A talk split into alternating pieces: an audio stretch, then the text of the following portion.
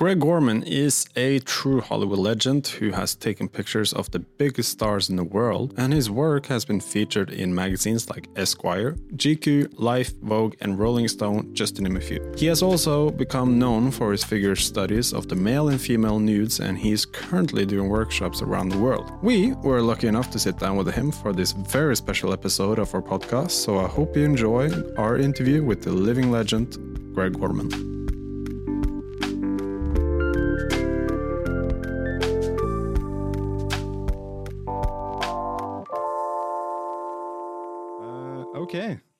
Going. Uh, Greg, thank you so much for doing this. Well, thanks for having me. Yeah, so, yeah. Do you remember your first camera? I do. Um, the very first camera that I bought was a Pentax, uh, Honeywell Pentax, which was the very first uh, single lens reflex, and yeah. it actually had the lenses actually screwed in before bayonet mount uh, lenses. And then I moved on to a Minolta SRT 101 and putzed around with a few variations on a theme after that, but ended up shooting um, primarily most of my career with a Hasselblad.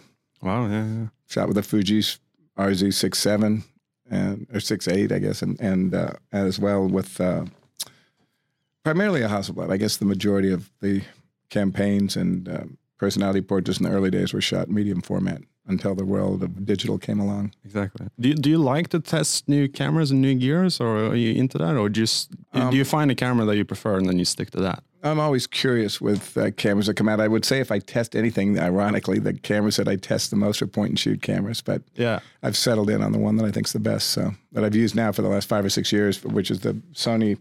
I think it's the RX. It's a little point and shoot. I don't even know the number of this camera, mm. but you can just have it with you all the time. Yeah, yeah you have it in your pocket there. It's, yeah. it's a it's a brilliant little camera. It's a yeah. Never, there's all these cameras have so damn many numbers. Yeah, I know. This is the RX 10, uh, RX 106, I should say. But it's got a 24 to 200 zoom. It's big files, 20 some megabytes. yeah. It's a great camera. Yeah. And you can have it with you all the yeah. time. and I mean, even in my last book, I did a book of male portraits and nudes that came out in 2015. Yeah. There's actually shots that I'd shot that were test shots that I shot with this camera that I blew up 30 by 40 and it and works. Yeah, they hold up yeah, beautifully. Exactly. That's amazing. Uh, we're gonna talk more about like tech after a while, but um, I'm always curious. I always ask people who are who love what they do and how they got started. So, do you remember like when you first got into photography? I do. Um, the first time I picked up a camera was in 1968. I borrowed a buddy of mine's camera to shoot a Jimi Hendrix concert, wow. not having a clue of uh, what the hell to do. And he said, "Oh, shoot Tri-X film, put it at f five six, uh, 60th of a second, and you'll get an exposure." And that's yeah. what I did. And the following morning, I processed the pictures in his dark room in the basement of his house. And uh, when I saw that first picture coming up in the tray, I was hooked. And it was kind yeah. of soft focus, and I wasn't sure if it was out of focus because I shot at a 60th of a second, or I'd smoked too much dope that night. That was back in the hippie days, the late yeah, 60s. So that's where it all began. And then just like Never looked back since? Well, I enrolled in the only courses they were teaching at the University of Kansas where I went to school were courses in photojournalism. And so mm. I enrolled in that kind of ambulance chasing pictures, but spent a weekend in Washington, D.C. It was during the time of the Vietnam War, and uh, four of us drove down and shot pictures, which was kind of cool. Yeah. I mean, have you ever thought about, like, you know, I was asked this as well, like, and I have this sort of like um, before I got into film as well myself, the fact that you can making a living out of it. Was that your intention at the beginning or was it just to see how fun it was and then see took it from there? You know it didn't really cross my mind. It was it happened so fast. Um, i went to photojournalism school but learned from a dear friend of mine that was a tech rep for eastman kodak that uh, if i was serious about photography i should go to a a, a real uh, maybe film school, not mm. a uh, still photography school. So I went to move to California where my father was living and went to school at USC and actually got my a Master of Fine Arts in Cinematography from USC. Mm. But being a control freak, I returned to my love of stills and uh, still photography, and basically pretty much self-taught. Yeah, yeah, yeah working with movie lights, which I learned in film school. You were telling me you went to yeah. film school, and so I was working at the beginning of my career. I couldn't afford to buy strobes. Yeah. I think in Europe they call them flash, right? We we we refer to flash. Yeah, yeah, yeah. yeah they, in the states, it's yeah more strobes. Same thing. But uh, I was shooting with 1K quartz lights and 2K softboxes in the early days. That's yeah. those are the lights that I could afford. And then you, yeah, then um, yeah, like restrictions often can spur some creativity. I can imagine. Well, it's funny because I mean now, I mean through most of my uh, commercial career, I worked with uh, with flash with strobes, Yeah. and uh, um, I had a big 6K HMI, which back in the day I think cost me thirty thousand dollars. You know, for a for a 6K HMI Arriflex Arri with a ba- with a ballast and all. And now I shoot with Rotolights. I shoot with LEDs. So I'm shooting continuous light today, much more than I am Yeah. flash. I, I tried to do that as well, and it's it's it's more You get a more spontaneous capture when you're shooting with somebody rather than that pop, pop, Yeah. pop of a flash, and it's it's much more. I think it's much more natural, and it has a much more linear flow in terms of taking pictures. and it's not that disturbing for the model either. No, like it it's it's uh, it's a lot more calmer, Absolutely. more natural experience. Yeah, you can relax a bit. I more. think you get the moments in between, which oftentimes you lose with flash. yeah, exactly. And then you have the burst mode on the camera as well, so you can just shoot. shoot Yeah, shoot. you shoot, you know, and Yeah. that's one of the things I tell my students when I'm teaching workshops. You know, pixels are free. It's not like the old days with film. Shoot some pictures. You get your shot set up. You know, hold the trigger down. Put your camera on high speed. yeah. I mean, look at mo- a lot of people today have taken to the extreme, and they're not even shooting stills anymore. They're just shooting with a red camera, and they're pulling the stills off of that. Exactly. Yeah. That's amazing. Um, back to the early days. Um, I'm always also very curious about when people's because like at the beginning you have to like chase jobs and like get jobs and like try to make a living out of it, and then you have to you know call people, cold calling and stuff like that. Was that Well, it was very funny how mine started. People, I never really talk about it when I'm lecturing, which is kind of funny. But um, I was driving a truck delivering photographic supplies in LA in between my gig at USC finishing college, Yeah. and I was doing headshots for actors and actresses because they were abundant in California. Everybody's an actor. Yeah. They all work in restaurants, but they're all pursuing careers in film or TV or stage. And so I was doing headshots for thirty-five dollars a day, and that included film and processing. And I was bulk loading my um, film from those hundred-foot Kodak Tri-X rolls in a little machine, and I thought it was great. And slowly that fee went from 35 to 50 to 75, I think up to about 300. And so I was making a little bit of, you know, spare money on the side. And that's kind of how it all began. and how long did you do that for? Well, a couple years while I was Yeah. finishing uh, college at, at USC. And then, you know, I did a few misandry jobs, but uh, I started working with a, uh, a girlfriend of mine was um, uh, working for a film company called Interocean Films, and she asked me if I could design press books and one sheets, and I said sure, having no idea what the hell a press sheet or a, a press book or a one sheet You was. couldn't Google it either. But I figured, you know, this is a job. And Yeah. so I started doing design and layout for movies. They were packaging films that were bought, were originally created for television. They were packaging them as feature films abroad. And so that's kind of where it all began. And then uh, little by little, I started doing some editorial, and that led to working actually with uh, some people. And I got some work in the movie business early on and some big clients early on, which really makes a big difference. You can be a great photographer and extremely talented, but if you don't get those breaks, Yeah. you know, you can go unnoticed so easily in this world. you need that one like public figure to give your name to Yeah, someone. it's like right? it was like I know in the early days, um, I was working on a feature film, and uh, the actress got replaced by Barbra Streisand, and uh, she called me up and says, "Greg, it's Barbara," Yeah. and I didn't know her, and she says, uh, "So tell me, who have you shot?" You know, and, and it, without having the big names in your portfolio, it's hard to get the other ones. Once you've got a couple, then the rest fall in line. Yeah. It's like a domino effect, isn't it? It's just like Absolutely. Yeah, yeah. Ball rolling. Um, and w- when was it that you were able to so like um, integrate your style and art into the commercial work? Do you remember that? Yes, pretty much. Um, I was very lucky. I was working on a, a picture called Grease 2 that a young actor named Maxwell Caulfield was starring in. And he was kind of the darling boy of Broadway. He'd starred in Entertaining Mr. Sloane on Broadway. And so he was kind of a hot ticket. And he was the lead in Grease. And at that time, Interview Magazine, Andy Warhol's Interview Magazine, wanted him for a cover. Well, this is exactly what we've just been talking about. I had the access to this actor because I was working on the movie. And they called me and asked me if I'd be interested in shooting a cover with him. Hmm. And I did, and I integrated my style because Interview always wanted the photographer's point of view in terms of their photography. They could determine what they dressed in, how they looked, what, what how you lit the pictures, where you shot. Different world than today. Yeah. Totally different world.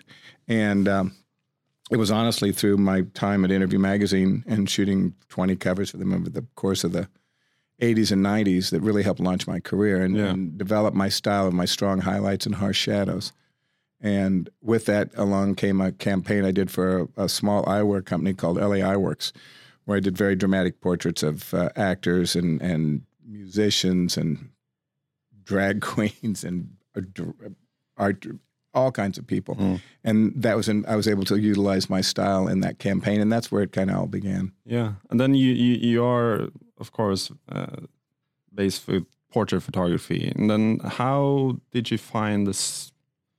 Um, how, um, well, a lot of people can take a lot of different types of photography. There is how did, did I get into shooting my nudes, my figure studies? Yeah, but like portraits in general as well. Like, how are you um, curious um, yes, about people in yes, general? Absolutely. I mean, yeah. I've never been able to shoot anything that couldn't talk back to me. I've never had any interest whatsoever in shooting a still life. I guess you could say my portraits are still lifes because I tell people to sit down and hold still. But basically, I've never shot anything except people all my life. And uh, I thought where you were going was how did I branch off into my more fine artwork? And that's yeah. kind of a cool story because at the time that my career was really taking off when I had done Tootsie and Big Chill and Scarface, and I was getting hired to work with all the toughest actors because they knew I could get along with them and we'd get the work. I went to New York one weekend um, to visit my late friend, a very famous fashion illustrator named Antonio Lopez. And this is a, a key uh, takeaway for young people wanting to learn about photography and having a, a successful career in photography. Um, I went to see Antonio and I was excited because he was like the most famous fashion illustrator and, and we were friends. And I was excited. I was 30 some years old and excited to show off, you know, toot my horn. And he said, So what are you doing, Greg? And I said, Well, I just shot the posters for Tootsie Big Chill Scarface. And I thought, well, that's going to impress him. And he looked me in the, coldly in the eyes. He said, That's awesome, but what are you doing for yourself? Stopped me cold in my tracks, and I realized, God, I'm kind of a hired gun. And uh, he said, You know, if you want to have longevity in this business, um, you've got to find a creative outlet outside the realm of your commercial photography. And up to this point, as we were just talking about, I was developing my style, the strong relationship between my highlights and my shadows in terms yeah. of my pictures. And the majority of a lot of my early work was shot in very close portraits, as we were talking about. And uh, so at this point, I decided to give myself an assignment to basically pull the camera back, shed the people of their clothes, maintain the style and integrity of my shape, form, and balance that I had developed in my portraiture, but apply it now to figure studies. And then yeah. that became my own work. I didn't have to answer to anybody else. I could create my own work. I would. It was. I was working now with models instead of actors. You know, you can um, you hire a model. The models are there to to yeah. interpret your vision. You work with a celebrity. They're there to promote whatever their products are, what their projects or whatever, and they're there to basically capture who they are as an individual. With a model, you can morph that a little bit and play more. So that's kind of how my whole part yeah. of my fine artwork was developed through the, my relationship with Antonio. Well, in, in, in that kind of work, and I can imagine there has to be an, in, a massive amount of trust between you and the model. Absolutely. Like they strip down, you, that they, it's funny. They reveal know, themselves. Exactly, then, exactly. And um, I mean, uh, it's not any different though, Tom, in terms of working with a celebrity. Um, you have to build a certain level of trust and confidence uh, between the viewer, the, the, not the viewer, but the subject and the photographer, because uh, if they don't trust you, you're not going to get the picture. So I always try to make them feel like I'm playing for their team. I share my vision with them. I'm showing them the captures, whether it was in the Polaroids in the old days or the digital yeah. capture on the back of the camera. And I discuss pretty carefully. I work very closely with talent on on in both fields, not only in figure study but in terms of personality portraits. Yeah. Then do you um, have like a conversation beforehand before the shoot? Oh, where you get to know them and stuff like that, yeah. or just you show? Oh up? no, absolutely, I do. I um, I've I had throughout the course of my career, I always had a full time chef that worked for me full time, um, cooked everyday meals for the shoots. Whether it was there was always breakfast, but then there was always be a sit down lunch where we'd break bread and, and sometimes have a glass of wine or whatever. Yeah. But a lot of times, uh, if I didn't know the talent um, during the hair and makeup process, I would sit in the makeup room and, and have a conversation, but I'm, I'm clocking everything at the same time, watching them in the mirror, looking at angles, figuring out what I got to play up in the highlights, play down in the shadows, so that I can then let my assistants know how to kind of basically set the framework, so to speak, for the shoot and the different setups or whatever we're doing. Then I go in and do the final buffing yeah, yeah, yeah. polishing of, of the shots. And I can imagine, like, when you're actually doing the shoot, when you get to know them a bit beforehand as well, there can be changes at the shoots because I can imagine you have a very strict plan about what you want to do, but then you meet the person. Absolutely. And then um, things adapt. Yeah, absolutely. And what I was mentioning earlier when we talked about the fact that I got my degree in film, but I went back to the still photography because I'm such a control freak. I mean, on a film set, they'll always go for a great acting take over a camera take. But with stills, I mean, I always would be pretty well set in what I had envisioned for the people I'm shooting. But just like you said, sometimes they would come in and I would see a different different side or a different approach. And so I realized uh, shortly after kind of figuring everything out the importance of being spontaneous and being ready for that spontaneous moment because sometimes the best pictures are not what you've preconceived, but you have to kind of alter your vision. And sometimes those actually evolve through the setups that you have. You know, sometimes you'll have a specific setup and it's not working. And then as it starts to change and morph, you see where it's going and then you take it to that next next step. Yeah. That's interesting. No, because I, I, can imagine, yeah, it changes with the person and you adapt it with the person. And by the same token, um, working, you know, a lot of us that worked in that whole period, Bruce Weber and Herb Ritts and myself, and um, we all had our own stable of stars, so to speak, that we shot all the time. I know, like a lot of times, you know, I did Bette Midler and Bowie and and uh, a lot of people in the days. We would get to know each other so well that we knew where this photo session, whenever something would come up, that we would work together. That talent would ask for a specific photographer mm. because we knew how to light them, how to work with them, and they could start the session on a much higher level. They didn't have to get to know somebody. They didn't have to kind of feel them out and get together. We can start on a much higher level because we've already been there and done that, and then take it on from there. Exactly. Yeah. And now you're doing uh, workshops as well. How long have you done that for? I've been teaching for probably the better part of 30, 35 years. It's something I really do. It's what I'm doing mostly now. I don't do much commercial work. It, uh, the whole business has changed so much. And uh, doesn't interest me so much. It doesn't. It, I really feel like I've pretty much lost my passion for that aspect of my life. I don't know whether it's getting old at almost seventy, but it's just that I kind of did it. Um, the people in charge today are a different mindset, different world. Could be that I'm old and they're young and they have different ideas, and that's cool. And that's you know that's what it's all about. But uh, it got to the point that it didn't interest me and hold hold a lot of uh, intrigue for me anymore. And I think when you lose your passion for something, you have to take it in another direction. For me, it was teaching because I didn't want to lose my passion for photography, and I love teaching, and I'm a pretty good teacher. I think it's something that I really enjoy, and I learn so much by teaching. You know, I learn every time I'm doing a class. Yeah. I learn more from the students probably than they learn from me. Because I can imagine also as well, like you can you can sort of tell when you're watching a film or or whatever, you can tell if there is passion in it or not, can you? Totally. I mean, I mean, I think what happened for me was I got on a couple of movie sets and. Uh, we're shooting, and what I did was what's called special photography. They would bring me in sometime during the course of the making of a movie or at the end of a movie to shoot the one sheet, the posters. And there'd be times when they'd say, I want you to shoot Keira Knightley from this side. And I said, She's not going to look good from that side. And said, well, that's what we want. And I said, Well, that's fine. You know, you tell her. Hmm. And they'd say, No, you tell her you're the photographer. And I'd say, You know, F you. Yeah. I'm not going to put my ass on the line when she knows I know how to photograph her and I know where the light needs to be. I know where the camera needs to be. I'm not going to destroy exactly what we've been talking the about trust, the yeah. trust and confidence that they built that's why i'm i'm here because of them yeah and so that's when i just thought you know before i lose you know before i become bitter about all this it's time to check out and do something else you know yeah. the art directors started thinking you know that they were really what it was more about than the photographer you know and if you're going to hire a photographer to do their thing let them do their thing how was that when when you decided to leave commercial work like that? Was it well, financially not particularly interesting, yeah, but in terms of a mindset and being able to sleep at night, a hell of a lot better. Yeah, exactly. Yeah, because yeah, I can. I, I always say that to myself as well, and I read it in the book as well. It's like it's something when when the passion's gone, it's time to move on, and also when you're comfortable, it's time to move on as well. You yeah, I think like if you get too comfortable, absolutely. I mean, I think that you. Uh, you reach a certain level and you feel like you've been there and done that and it's time to try something else and do something new and yeah. for me it was teaching and, and actually i got into the world of making wine because i was always passionate about wine so i started making wine around 2006 and just you know new new endeavors that keep your brain fresh and keep you thinking and, and teaching is is a, there couldn't be a better one really than teaching for me It just keeps yeah. you on your toes and what what do you see when like is that, how old are the people that you teach? Normally? You know, I have I've I've had them. I would say the majority of them are successful entrepreneurs, business people, oftentimes lawyers or doctors that are passionate about photography, and this is what they this is what they want to do. And so it's kind of my job to kind of take them to that next step, help them understand their vision and create. Sometimes you know the technical part is bullshit. I mean, anybody can learn how to take a picture, and some people can't, but most people can learn the technical aspect. But you and you, I can't basically create an eye for somebody. You either have it or you don't.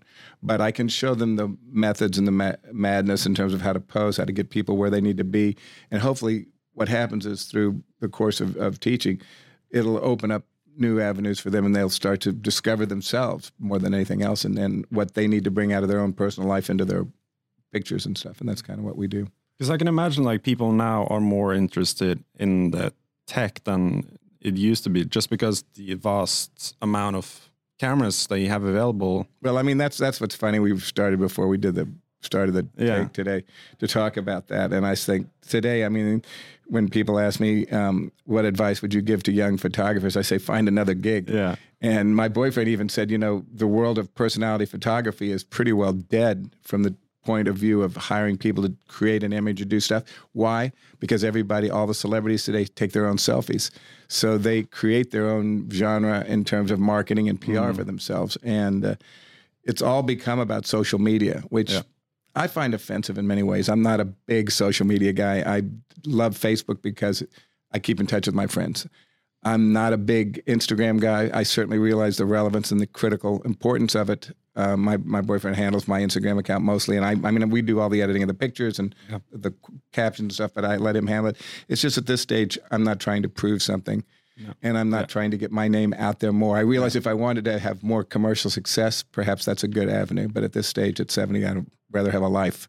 I mean, I'm, I'm tired of going out to dinner with people and seeing them sit there on their phones and getting a picture and getting it online. I mean, it's just, you know, there, there's a life in the real world besides social Yeah. media. you can't have a meal without sharing it it's like like you can't go to the gym without Yeah. I mean, Like, after dinner, it doesn't with count friends, we'll take a picture. But I mean, people that are just constantly, I mean, it's their life. It, it's Yeah. mainstream um, stuff. And, I, and I'm in the minority in that whole area. I realize that. But it's just, uh, No, but it is like a constant struggle with people to have that addiction to always be connected and always be available and always have the fear of missing out. You know, well, I, and I think part of that, uh, the relevance of that uh, today is the fact that you know at, at seventy, um, I'm not, I'll be seventy in June, a couple months, is that uh, I didn't grow up with a phone in my pocket, and I didn't grow up with a computer. You know, and there was a life in a world before electronic media, Yeah. and so so many of the kids today they've never known anything else. They've grown up uh, it's, it was amazing because one of the things that was amazing i s- spent a little time with elton and his, his husband this summer at their home in nice and they have two beautiful boys and um, they don't let them have all that stuff around during the day. Nothing, you know, yeah. no, not you know they don't just sit there and have all that stuff which i think is great. So they have a you know they're being brought up much more in the real world. There's a time that they can have that and do that. But there's also time just to be present now with the people that you're with in the company. Because I, I, um, I saw an interview once, and it, there was a guy that talked about like how creativity arrives when you're bored, when you got nothing else to think about. So like how you come up with ideas in the shower and stuff like that, because there is nothing else there, and then your mind starts going. Then when if you're always busy on your phone or something, and you're very scared to be bored, then your creativity suffers from that. I can imagine. Yeah, I mean, you're filling up too many of those gaps with, Yeah. with mindless wonder. And uh, I think one of the big things today, I know when I go to a lot of the big photography shows, you know, that are put on around the world, and I look at so much crap on the on the walls, these huge mindless prints of sharp, medium format camera pictures that are devoid of any content. They're just big and boring photographs that uh, say nothing, but Yeah. technically they're well done. Yeah, So much of what you see today that people are calling themselves photographers are basically graphic artists. They're not photographers.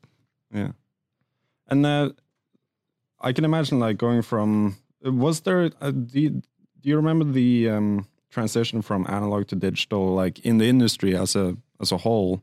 I can imagine it being kind of a similar thing now, where people just can get it instantly and they can view their pictures instantly. Yeah, I, I do remember because I was shooting film and uh, it was probably around 2000. So I was a late bloomer. Um, my labs are saying, "Do you want to take a course in Photoshop?" Do you? I said, "No. I mean, no, I like to shoot pictures. I, I think Photoshop's a Yeah, good excuse for the poor chemicals and photography." Yeah. And uh, and uh, Fix it in post. yeah, you know that was that was the line, and then it got to the point in shooting the motion picture campaigns with me. Even the art director said, "Don't worry about it. We'll fix it in post." And I go, "Well, how are you going to fix this picture in post when I'm shooting Robert De Niro in New York and I'm shooting uh, uh, Ed Norton in Toronto?" And you're having me light them from opposite sides, yet they're going to join each other in a photograph. You can't fix that in No. post. So I realized that's at the point in time when I needed to learn a little bit about Photoshop. So I steered clear of the digital cameras in the early days because the early cameras, I played with them. Sure, I had them from the very beginning, but you know, a three megapixel camera in the early days could hardly live up to what uh, you could get with a Hasselblad. So Yeah. they really didn't make sense. My fascination in the early days, again, was the little point and shoot cameras because they were exciting and the digital and that whole part. So I learned more with point and shoot cameras. Yeah. And it was really not until Canon came out with the EOS 1DS and they had a camera that had enough information and gave you enough bang for the buck that it could compete with a medium format camera. It basically gave you the spontaneity of that 35 millimeter capture with the quality of a medium format frame. And are you are you able to tell the difference between a, an analog picture and the digital? Uh, it depends. Sometimes yes, sometimes no. Um, and same with printing. Um, Yeah. uh, I print all my own shows. Um, what I started doing um, for my personal work, Tom, in the early days with with the uh, camera, the digital cameras, is I was shooting at a higher ISO, at a non-interpolated uh, uh, ISO. So in other words, whatever the camera's native resolution was, let's say the ISO was with Canon, I think it was 160. Um, I would shoot it at 640, so I'd bump it up a couple notches, which with proper exposure and everything, you still got a little bit of noise and artifacting, but only in as much as it gave the capture a little bit more edge, a little more grit, looked a little bit more like film rather than this television look. So, um, and I did a project uh, in um, a, a photojournalism project a few years back, and shot very high ISOs because I knew that the end result was going to be black and white, and so I wanted that kind of gritty, noisy, grainy, so to speak, look to the captures. I'm, uh, same with printing as well. Like, is I I I uh, I print out my Instagram feed Mm-hmm. and put it on the wall, just like is good memories and stuff like that. Mm-hmm. And there's always like you know there's 60 pictures that I can talk about Mm-hmm. when people come and visit. But I find it like people they only see pictures now on like a small screen, and they don't print that much anymore. I can imagine, and there is a difference. Like you can just feel the picture a bit more when it's printed. Right. So the the, the Well, I mean, I, I think it's very true, Tom, as well with books. I've published 11 books. I'm on my 12th one now. And I mean, the you know, even the publishing industry in many aspects is dying. And it's really sad because everybody's looking at everything online. And I mean, Yeah. you know, call me old school, but I mean, I want to smell that ink on the page and I want to turn that page in a book. I don't want to look, look at a book. You know, I've shied away from having my books, you know, online as ebooks and stuff. I just, Yeah. I'm not interested. But it's the same thing with, uh, say, writing. You're writing with a pen, and people sort of like lose the ability to do to hand to do handwriting. Right. Just like they sort of like it's just touchpads now. Um, now, And health wise, I think it's bad. I mean, I know my back is screwed up just from sitting on my ass all the time in front of a computer. I mean, it's it's a it's a crazy crazy thing. But so many people they spend they get carpal tunnel syndrome and and uh, and you know sitting in a chair 24 hours a day editing and and and I mean I'm a victim of that as well. You know, Yeah. I shoot and I load my pictures into Lightroom and I'm sitting there editing. and that, but I can imagine like I can see some positivity and the fact that you can put your work out there for people now. You don't have to go through like any sort of channels now anymore. So it is more accessible for people. It's more accessible. It's more financially uh, uh, feasible. Certainly, I remember in the old days how many, how much, uh, what a fortune I spent in doing mailers and little promo books and stuff. So it's it's much easier to reach a mass market now, and that's where you know Instagram and all really comes into play for a lot of people. And so many people have made their career there. They have not a clue how to take a picture, but they're damn good marketers. And it's it's and it's true in the music world. It's true in, in so many areas in terms of how to get everything out there. Yeah. No, actually, I, I I got a couple of friends who make their living out of taking iPhone pictures and putting on Instagram. Yeah, and then they get huge sponsorship because they- Yeah, they have such big numbers. And when they want to endorse something, they get the money to do it. It's crazy. Yeah. Yeah. And then I come with my camera and they can't. They don't know. They don't know how to set an f No, from a shutter speed. no No, and they, you know, I, I teach. But they're them. happy. You know, it makes Yeah, them I- happy. I have people, you know, I mean, I've gone and, and and and it's really in some ways it's very sad because I've gone to like Photo East and some of the shows in New York, and I've sat in on a couple of the guys. I won't name them that have got big following on Instagram, and I've I've heard them people kids sitting there asking them questions and then giving them totally the wrong answers. Mm. And I think you know this is misleading the youth of today because they don't have a clue of how to do it. They don't know what an f stop is from a shutter speed or an ISO from an ASA. You know. They don't realize it's the same thing. You know, it's it's it's unfortunate. Everything's so automated today that it makes it easy. But to duplicate something is another story. They can't. You know, they get a successful picture, which is very easy to do today, and then someone else says, "Oh, I love that picture. I'd like a portrait just like that." They would be hard pressed to try to figure out what to do because they wouldn't know. yeah, they can't tell where the light's coming from. They can't. Yeah, can't figure it out. Um, I've uh, been an advocate about like restrictions as well a lot of the time because now you have all the gear available to you, but sometimes people say like just go out with one lens, for example, just go out with a 50 mil, and then restrict yourself, and then that bursts creativity. Like I can see that be advice for aspiring like in your workshop do you try well, to I make apply that. Yeah, I have I have different rules that I use. But I mean, I make people set their cameras, uh, you know, on manual and take light readings. I try to teach people how to see and understand light and how to communicate with the talent. That's the two big things takeaways from my workshops. Is you get somebody in front of your camera, whether it's a portrait or a nude, and you have to be able to direct them. And it's how you talk to them, how you direct them, how you get what you want. And some people are just inarticulate and can't even uh, convey what it is they want. And secondly, how to see and understand light, how to understand where the light's coming from, and how to add light and how to subtract light. In my pictures, a lot of the cases, how to subtract light. yeah so you just start with one then I work generally a lot of times with a single point light source and additive and subtractive light. Yeah. I don't use usually a multitude of lights at all. no um and what um besides the camera and lens what's in your we're going to talk a little bit about gear now what's in your camera bag at all times what do you never leave without whatever I whatever do I not what do I leave what do I not leave home Yeah. without? Um, that's a tough question. I mean, I you know I always have up my light meter generally Yeah. and my a camera generally you know um, a couple of bodies, but I don't travel with a lot of stuff. I travel with usually a spare body, a camera, and th- on this trip I didn't. I brought one body and two lenses.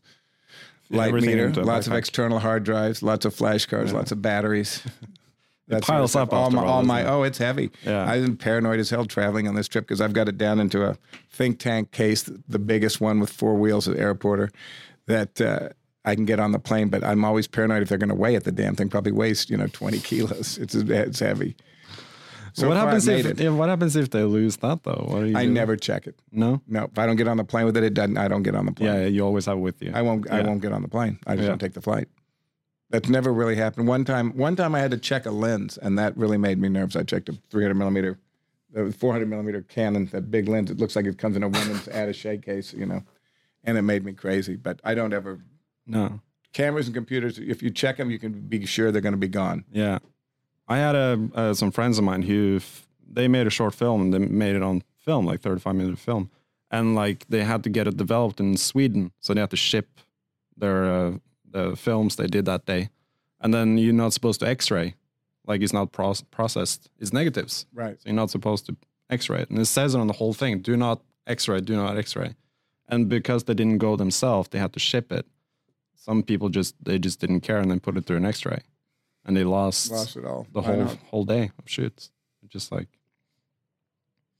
so, yeah. Like I do the same thing. I put everything in a backpack. And if it can't fit in the backpack, it doesn't go with me. If I if I travel, Right. because No, I, I mean, have to have it on me. I travel very carefully, you know, on the thing, and, and, and I'm a big guy, so I'm, this trip is two months for me. So even my suitcases, you know, Yeah. I've had to keep it under 50 pounds. The damn roller bag itself probably weighs 20, you know, so it's pretty limiting when you're packing for two months and weather kind of all over the map. So. Yeah. Then you have to get gear as well. I, I always admire like say you have um, people who document people who try to climb Everest and stuff like that, for example. Because you have to bring everything with you to survive for months. Then you also have to bring your camera gear as well. Yeah, it's it's amazing. How Is they it tough? I don't know how they do it. Exactly. mean, neither. It's very tough. Do you? Well, this is a weird question, but do you have a favorite camera at all? Because there isn't like one camera that fits all, but there is one camera that fits. Yeah, I mean, You- my little point and shoot, I actually love. You know, Yeah. I, you know, I grow to love something that's concise, produces a great result, and uh, offers me pretty much what I need. So, but I mean, I think you know, people get way too caught up in gear. Um, I have students that come in. I had a class I taught many, many years ago in uh, in uh, Tuscany, and I had a very wealthy girl, and she came dripping with Leicas and every lens and all, and just just you know she had so much gear that it just got in her way. Yeah. and i had a couple that took the class a husband wife team and the wife shot with an sx70 polaroid. And her pictures smoked the leica gal you know. People get caught up that if i don't have the latest and i don't have the greatest i can't take a great picture and it's a fallacy. It's just like you said show up with us. You look at most of the great uh, photojournalists working today and a lot of them are shooting you know a lot of them are shooting leica and they're mostly like with either a 28 or a 35 or a 24 Yeah. Just a fixed lens and then move around. Yeah, yeah. Um yeah, I guess your advice to young photographers is a really good solid one. Yeah. Like a lot of people give try to give positive advice. Like and like, but like I can imagine like if you interpret it in a way to say like don't think about the money at all because it might not come. Just do it. Yeah, I mean, I think that's the thing. I think that you know people that want to go out and become famous or become rich, that's a bad attitude. If you want to go out and you're really passionate about photography and you're out there shooting every day, it's funny. Like I rarely, I mean, I don't always have a camera on me. I Yeah. rarely take pictures.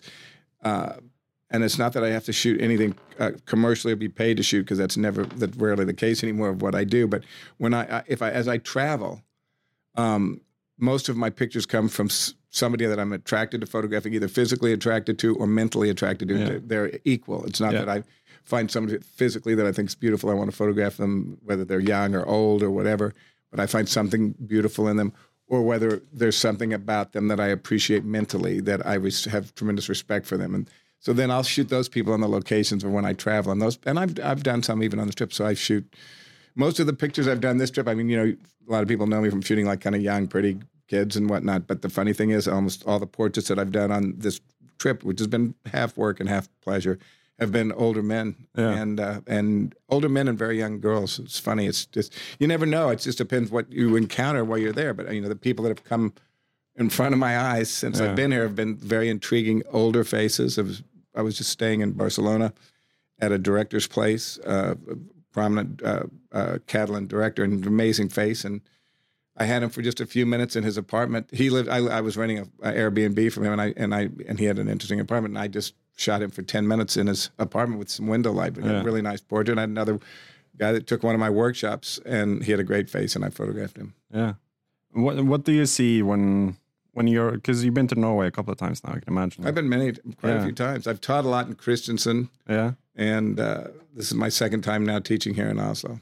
And what do you see in the people in Norway like that kind of like there's, there's, there, well, I mean, I think eye? they're very interesting, very earthy in many ways, but in an earthy, beautiful way because they have beautiful eyes. And we, the workshops I taught in Kristiansund, we worked with people down in the harbor, seamen, and and uh, I found a very uh, zaftig gal that kind of looked like a Botero who I've used for a lot of my shoots. I stopped her on the street, very rotund but beautiful girl with bright red hair and Yeah. red freckles, and I, who I work with every time I go there. And I was even one day in a bar in uh, Kristiansund, and there were two older women, probably my age, I guess, but they were kind of like crusty bar girls, and uh, they were awesome. And I went up to them and I got down kind of on my knees because they were seated, and I said, "Listen, I think you guys have such great faces." And they stayed for the week. They were staying in up northern part of uh, Norway, and they stayed for the week and modeled for the class. So I think really interesting faces and Yeah. and, and people to photograph here. I quite I quite love Norway. I've, I've had a big love affair with it since I started teaching in, in Kristiansund, and now having the opportunity to teach here through Interfoto at the masterclass weekends has been great. what is your um when when are you here next time? Is it I think I'm here back in August, in August? mid August. I think All we're right. going to try to do this again. Yeah. It's been doing. They've had pretty good success with it, and the students have been hungry for knowledge. So it's Yeah. been kind of fun, and it's been great teaching with Bjorn and Julie, and of course Morten, who I met originally uh, at the Nordic Light Festival many years ago. Great. Well, we're looking forward to having you back in August. Well, thanks. It's Yeah. nice talking to you.